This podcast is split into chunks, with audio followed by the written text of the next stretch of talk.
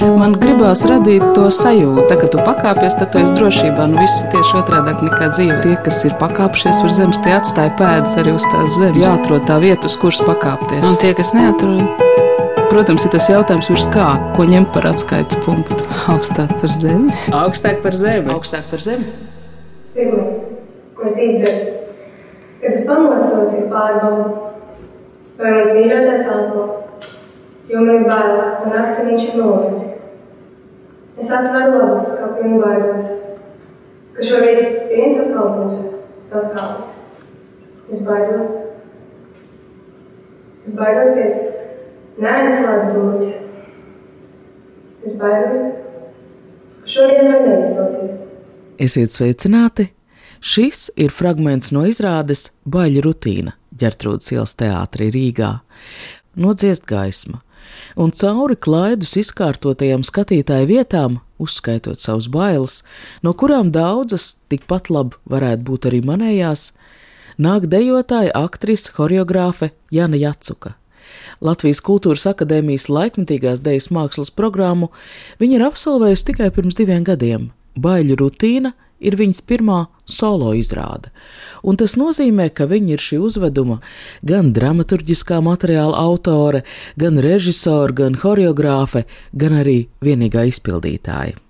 Mans vārds ir Anna Bušvica, un sekojošais raidījums būs stāsts par jaunu mākslinieci, viņas daļēji autobiogrāfisko izrādi, kuras turpinājums bija šī rudens starptautiskā jaunā teātra festivāla Homo Novus ietveros, kādā avotu ielas dzīvoklī Rīgā iekārtotais lietisko pierādījumu muzejs, taču abos šajos darbos skartā tēma - vardarbība pret sievieti - ir daudz plašāka, pastāvoša. Kā runāt par ko tik personisku mākslas darbā, kā atšķirt mākslu no sociāla projekta, un cik trauslas cilvēku dzīvu mainošas šai gadījumā var būt atklātības robežas, arī par to mēs šodien sarunāsimies ar izrādes un lietisko pierādījumu muzeja radītājām, producentu Lauru Stašāni un horeogrāfu Janu Jacuku. Kā tapa abu sadarbība? Uzreiz pēc akadēmijas es sāku strādāt arī kā choreogrāfa, vairāk īstenībā. Tad es satiku arī Lauru vienā projektā, kura viņa bija projekta autore, ārējais laiks, iekšējais klimats. Un viņa uzaicināja mani un vēl manus piecus kursa biedrus veidot savus pirmos solo darbus. Jau tajā projektā es sapratu, ka Laura spēja manī kā māksliniekā, kā choreogrāfē, kā domājošā māksliniekā pavērt man citas šķautnes un arī atvērt mani pilnīgi no dažādiem veidiem. Tāpēc, kad es izdomāju, ka es vēlos turpināt un veidot savu pirmo solo darbu, kas būtu pilna vakara darbs, es uzreiz zināju, ka es vēlos, lai Laura man sadarbojās, un es pie viņas atnācu un es teicu, taisim kopā. Es nezinu vēl, kā tas notiks, bet es noteikti zinu, ka man tevi vajag. Jo, Laura, es mēģinu iejusties drusku tavā ādā, tad, tad tu, dramaturgs būtībā ir tas, kurš sameklē stāstu, kurš ierauga to stāstu. Jā, varbūt precīzāk ir, kurš ierauga īpaši konkrētās izrādes baļu rutīna gadījumā. Tas bija par to, kādā veidā arī kā izvilkt no Jānas stāstu, kurš viņā ir iekšā, bet kur viņa dažādu iemeslu pēc nebija gatava līdz galam vēl stāstīt, un varbūt arī nezināja īsti kā, jo tēma ir tik personiska. Ne, mēs tiešām ļoti daudz laika pavadījām kopā, un mums paveicās, ka tas bija solo darbs, un mēs varējām divi arī Covid laikā strādāt ar visiem ierobežojumiem un attālumiem. Tā dramaturga loma tiešām ir būt klāt viscaur procesā, jo tas ir ļoti lielā mērā par uzticēšanos no mākslinieka puses. Kaut kādā veidā māksliniekam ir jāspēj atdot savus darbus vai savu ideju citu rokās, lai tas cits no malas spētu, un gan no malas, gan no iekšpuses spētu viņu virzīt tālāk un iespējams virzīt tur, kur mākslinieks, īpaši jauns mākslinieks, vēl pat neredz iespēju. Un šis stāsts ir sarežģīts arī tāpēc, ka tas jau izskanēja. Tur ir arī autobiogrāfisks nots. Jā, jā, tas ir. Es runāju, izrādēju par sāpīgām tēmām, kas man personīgi ir sāpīgas. Caur bailēm un par bailēm, caur bailēm, no kurienes viņas ir nākušas tieši no kaut kādas vardarbīgas pieredzes, kas man pašai ir bijusi. Kad es atnācu pie Lāras, es viņai izstāstīju, protams, visu stāstu atklāti. Tajā brīdī es pat nevarēju verbāli vēl izstāstīt, es viņai uzrakstīju vēstuli. Un tādā procesā es ļoti ilgi nebiju gatava un nedomāju, ka es būšu gatava kāpt uz skatuves un par to runāt. Tiešām gan ķermeniski, gan verbāli izmantojot tekstu, bet viņa pakāpeniski mani iedrošināja un uh, atgādināja, kāpēc tas būtu vispār svarīgi. Kāpēc Jā. bija vajadzība runāt par šādām lietām? cilvēks dzīvo uz priekšu, un no ar katru dienu, ar katru gadu mēs kļūstam savādāk. Un es nezinu, bet man bieži vien ir vēlēšanās nomest to nastu, kas ir bijusi, kas ir izdzīvota un beigusies. Un iet tālāk, kāpēc tev bija vajadzība par to runāt šādā izrādē, savā pirmajā solo izrādē? Esmu tāds cilvēks, ja man kaut kas sēž iekšā, es nespēju to turēt. Ja es pat taisītu izrādi par kaut ko pilnīgi citu, es tāpat attaptos pie šīs tēmas, tāpat līdz viņai nonāktu. Jo tas ir tas, kas man šobrīd šausmīgi gan sāp, gan interesē, gan es cenšos saprast, kā ar to vispār dzīvot kopā.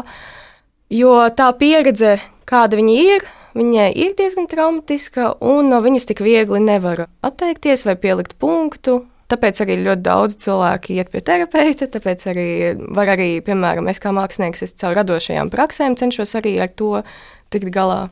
Un arī dalīties ar citiem, jo es tikai pēc muzeja izveidošanas sapratu, ka nu, es neesmu vienīgā, mēs esam daudzas tādas, un tas ir arī kaut kādā savā ziņā atbalsta veidošana jau mūsu sabiedrībā. Ģertrūdas ielas teātra repertuārā baļķa rutīna tiek pieteikta kā dejas izrāde. Bet uh, arī tad, kad tā tiek pieteikta kā laikmatīgās dejas izrāde, es neredzēju, es nesapratu, kur tās robežas mm. jāvelk. Man tā likās, nu, tāda pilnvērtīga dramatiskā izrāde, kurā kā viens no izteiksmes līdzekļiem tiek izmantot dēļa. Ja nu varbūt tās tavs sajūtas, kāpēc tu sāki runāt? es sapratu, ka, ja man ir ko teikt, man ir jāizmanto šoreiz teksts, jo es runāju par ļoti konkrētām lietām. Jo ķermeņa valoda ir abstrakta. Un par tik konkrētām lietām, par kurām es runāju, izrādē, diemžēl ar ķermeņa valodu nepietiktu. Tāpēc es sapratu, ka es varu gan runāt, gan es varu izmantot to, kas ir mans ķermenis, un um, miksēt to kopā, gan arī domāt par kaut kādu skaņas dramaturgiju, elpas dramaturgiju, kas mums ir viscaur izrādē.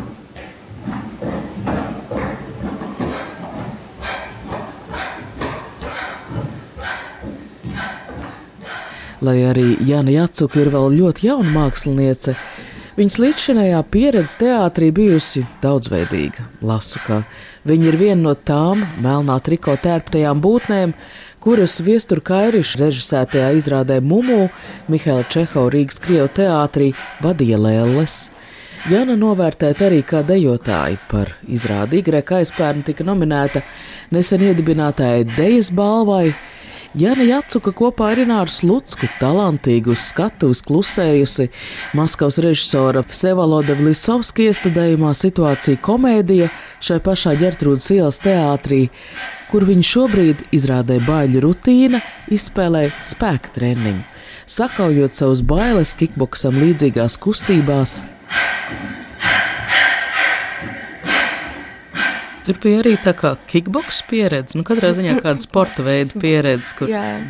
Jā, tā aina priekš manis personīgi ir vairāk par saņemšanos, par nepadošanos un došanos, mešanos atpakaļ tajās atmiņās, bailēs, un arī par nākotni, kas zina, ka es vienkārši nepadošos. Tā telefona sarunā arī izskanēja vārds par ķermeni, kas ir kā kareivis. Jā, jā, jā, tas bija mans kaut kādā ziņā tas mans prototips. Laura man ieteica vienā mēģinājumā, ka varbūt padomā, par spēka tēlu, par ko jā, tas, kas ir, jā, kas ir tavs jā. spēka avots, ka tu iztēlojies spēku, ko tu iztēlojies. Ko es iztēlojos, un tad man uzreiz bija skaidrs, ka tas ir kaut kas karēvīgs, ka es, bet es kā meitene, es kā jauna meitene, bet karēvis, un tas bija man kaut kāds tāda vadlīnija, kas man palīdzēja iet cauri izrādēji.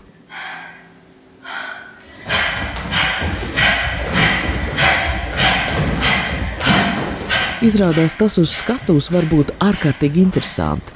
Šai cīnītājas ainā dejotājs elpa ir ritmiska, kā sportā pienākās, piepūlētā tiek kāpināta sevis pārvarēšanas niknajā šņākuļošanā, kas jau krietni vēlāk izlauzīsies cilvēciskā kliedzienā.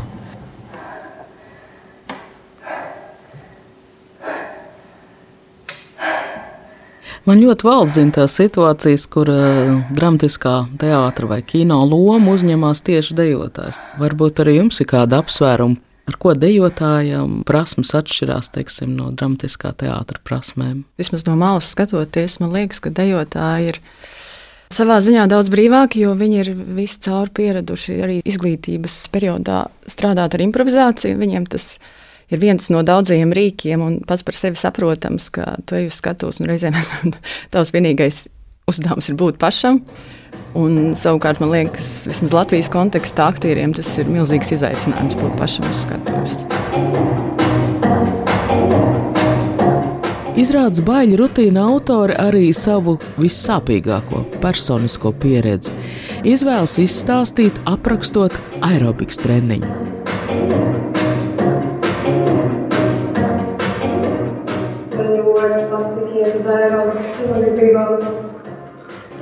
Iet atpakaļ mājās. Mans tēvs bija zinātnīgs viņš. Vienmēr domāja, ka viņš ir labāk. Deviņi. Man ļoti patīk iet uz aerobikas nodarbībām. Jo man bija bail iet atpakaļ mājās. Mans tēvs bija zinātnīgs viņš. Vienmēr domāja, ka viņš ir labāk. Desmit. Man ļoti patīk iet uz aerobikas nodarbībām, jo man bija bail iet atpakaļ mājās. Mans tēvs bija zinātnieks, viņš vienmēr domāja, ka viņš ir labāk. 11. Man ļoti patīk iet uz aerobikas nodarbībām, jo man bija bail iet atpakaļ mājās. Mans tēvs bija zinātnieks, viņš vienmēr domāja, ka viņš ir labāk. 12. Man ļoti patīk iet uz aerobikas nodarbībām, jo man bija bail iet atpakaļ mājās. 13. Man ļoti patīk iet uz aerobikas nodarbībām, jo man bija bail iet atpakaļ mājās. 14. Man ļoti patīk iet uz aerobikas nodarbībām, bet es sapratu, ka ir jāiet. Ir jāsagaida pilnvadība un ar pirmo honorāru jānāk. 15. Man ļoti patīk iet uz aerobikas nodarbībām, bet es sapratu, ka pilnvadība gaidīt nav jēgas.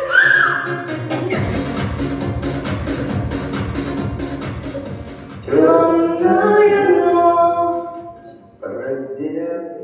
kādā tumšā vakarā man omīte pastāstīja, kā viņi bija atraduši dierkaravīri pavisam jaunu, lai jau sienu kaudzē. Abi karavīri nemaz nešaubījās. Viņi saprata, ka ir jāizmanto šī izdevība. Kājas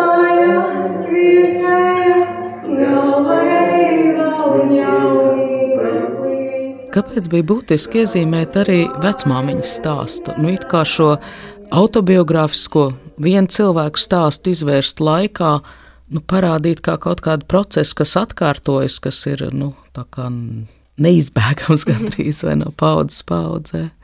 Laikam man ir jāpiemina, kā es vispār sāku veidot šo izrādi. Es sāku pierakstīt bailes. Vienkārši ejot pa ielu, pēkšņi atopos. Oh, bija pēkšņi baile. Atcerējos kaut ko, padomāju par kaut ko, sāku baidīties par nākotni vai par pagātni.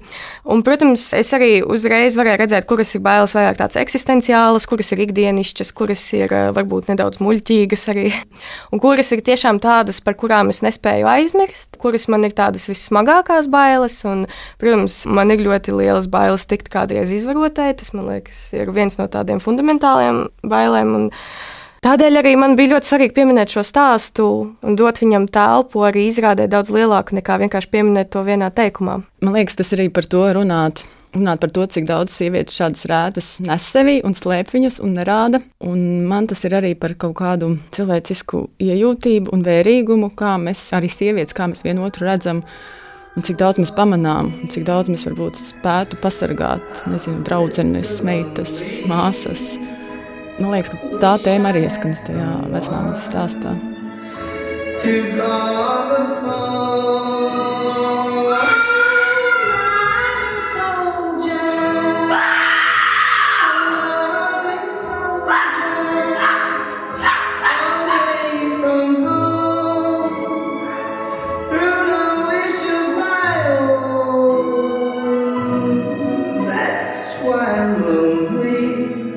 Izrādē baļu rutīna pārsteidz arī, cik kaila var būt skatuve. Melnbalta telpa, kurā uz skatītāju jutekļiem, bez Jānis stāstiem, ķermeniskajām liecībām, iedarbojas vien mūzika un gaismas. Par mūziku konkrēti es vēlējos. Es ļoti vēlējos ieviest kaut kādu ikdienišķumu tajā izrādē. Tādēļ es arī izvēlējos diezgan klišejiskas mūzikas izvēles, lai arī tās skaņas, kas ir izrādē, ļoti daudziem ir atpazīstamas.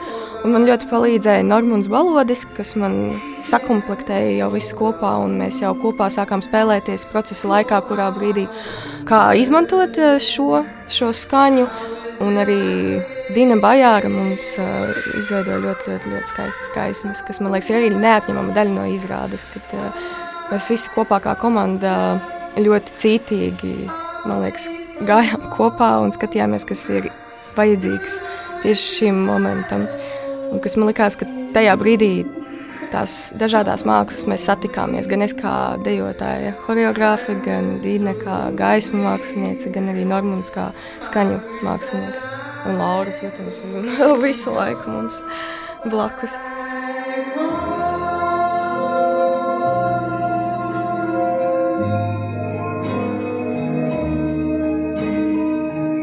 Kā Hanna Ārente savulaik pasaulē atklāja ļaunumu banalitāti, Janija Atsuka savā izrādē runā par rutīnu, par baiļu pieradumu.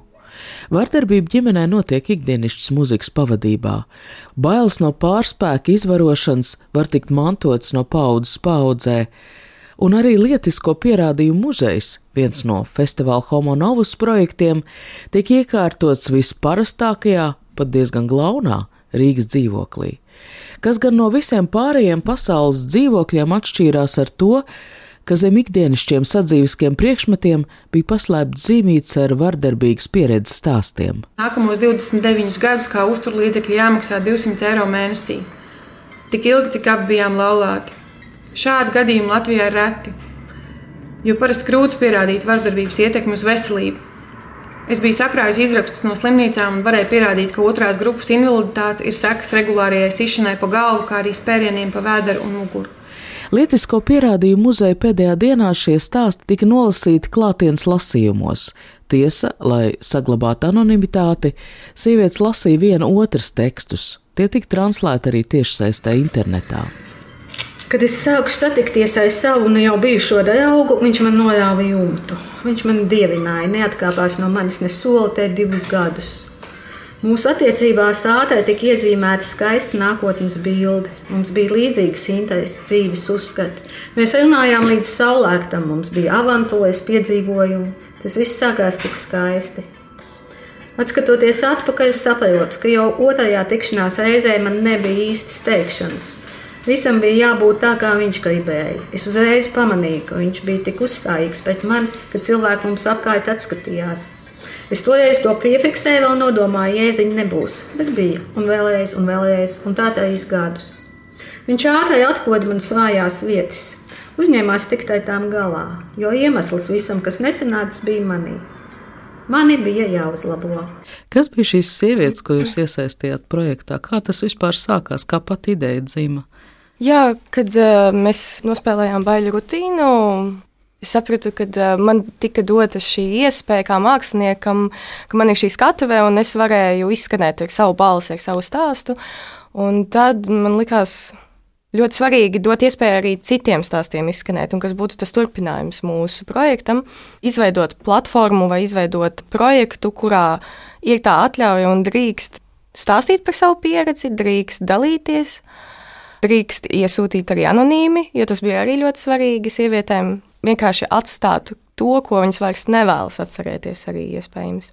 Nu, lūk, mēs sākumā izsludinājām pieteikumu sociālos tīklos, ka mēs meklējam kādu, kas vēlas dalīties ar savu pieredzi, un tad mums atsaucās neliela sieviešu grupiņa, ar kuru mēs satikāmies jau regulāri. Tad mēs attiecīgi arī gan viņas mums deva muzejam savus stāstus, gan arī mēs izveidojām anketu arī sociālos tīklos, kur varēja ar savu vārdu vai anonīmi iesūtīt mums tos stāstus. Un arī tas, kas notika pēc baļu rutīnas, man vairākas draudzenes.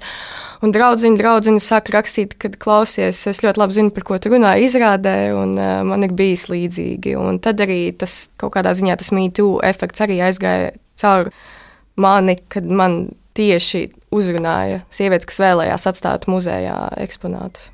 Bija vajadzīgi daudz gadu, lai man izdotos visu atcerēties un saprast ar pieaugušu cilvēku prātu. Taču patiesībā tikai pirms dažiem gadiem es beidzot sāku apzināties, ka tieši šie bērnības notikumi ir vainojami manās attiecību problēmās kuru pamatā vienmēr ir bijusi neizprotama nespēja atbrīvoties un uzticēties, un sajūta, ka neesmu nu, ka neesmu noteicēja pār savu ķermeni. Festivāla Homo Novus projekts lietisko pierādījumu muzejs kā mākslas akcija tiešām nostrādā. Tajā ir daudz līdzdomāšanas jaudas, sākot jau ar pašu muzeja nosaukumu.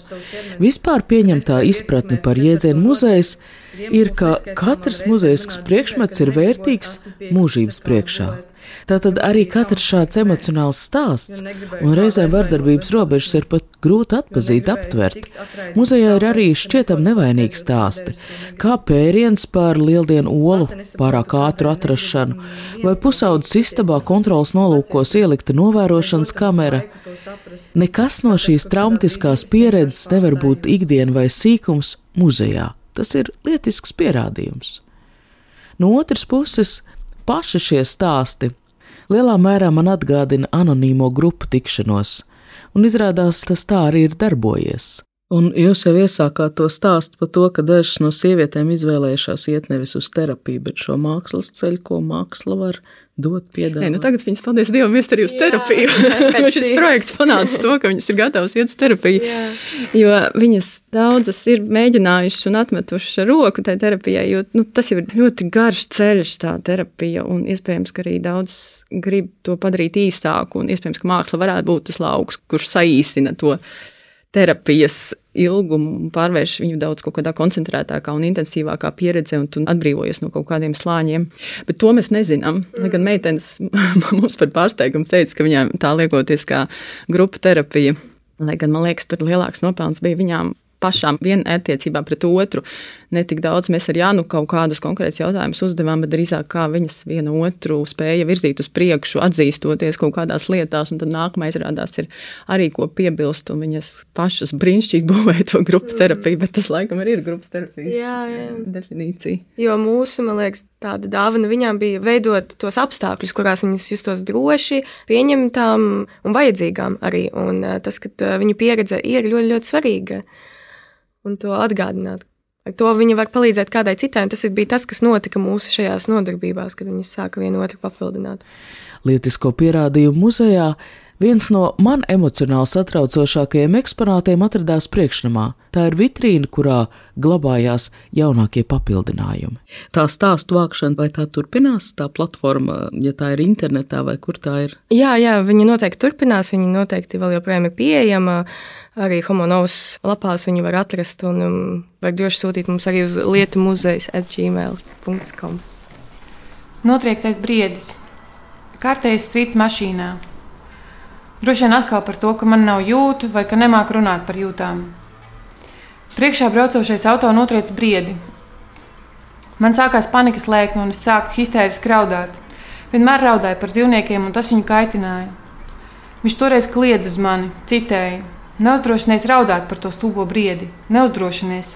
Ja nevar noliet par mani nevienu asaru, neuzdrošinies raudāt par to stulbo dzīvnieku. Es norīju asaras un pārstāju raudāt. Lietisko pierādījumu muzeja radītājs Lauris Tašāna un Jana Jacuka radījušas robežu pārkāpēju situāciju.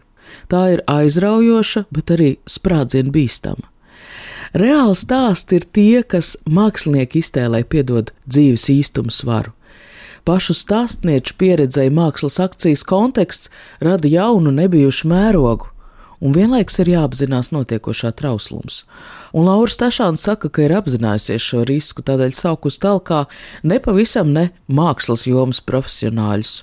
Ar resursu centru Mārta mums vienkārši bija vēlme satikties procesa laikā, tieši tāpēc, lai kaut kādā veidā arī saprastu, vai mēs nepārkāpjam kaut kādas konkrētas robežas, jo tēma ir tik sensitīva un cilvēkiem dažiem tās rētas ir ļoti svaigas.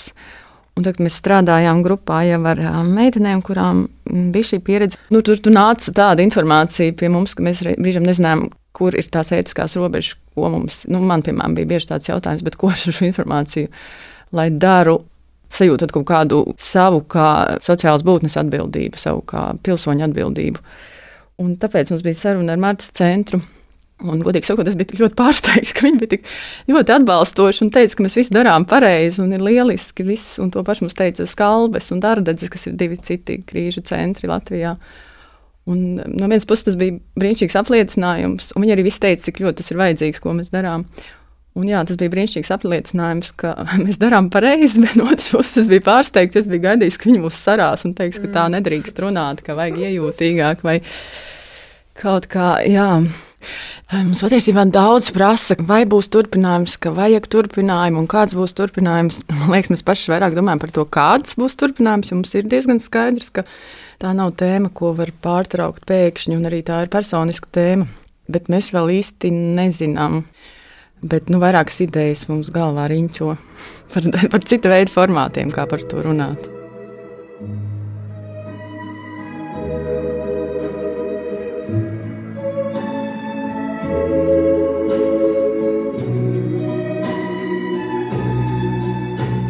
Lietisko pierādījumu muzeja pieredze visdrīzāk rezultēsies jaunos darbos. Lasījums plānots arī publicēt internetā, top muzeja dokumentējoša filma. Izrāda baļķa rutīna turpina dzīvot Gertrūdas ielas teātra repertuārā. Un ar abu šo darbu veidotājām, Lauru Stašānu Jani Atsuku, šodien sarunājās Anna Bušvica. Raidījumam tapt palīdzēja skaņoperators Valds Raitums. Un tomēr, ja mēs salīdzinām abus darbus, tad izrāda baļķa rutīna atšķirās no lietisko pierādījumu muzeja projekta. Muzejā ir vēl šī sociāla notikuma dimensija, viss vēl ir dzīves un sāpīgs. Izrādē autors personiskā pieredze pārtapusi jau par mākslas faktu.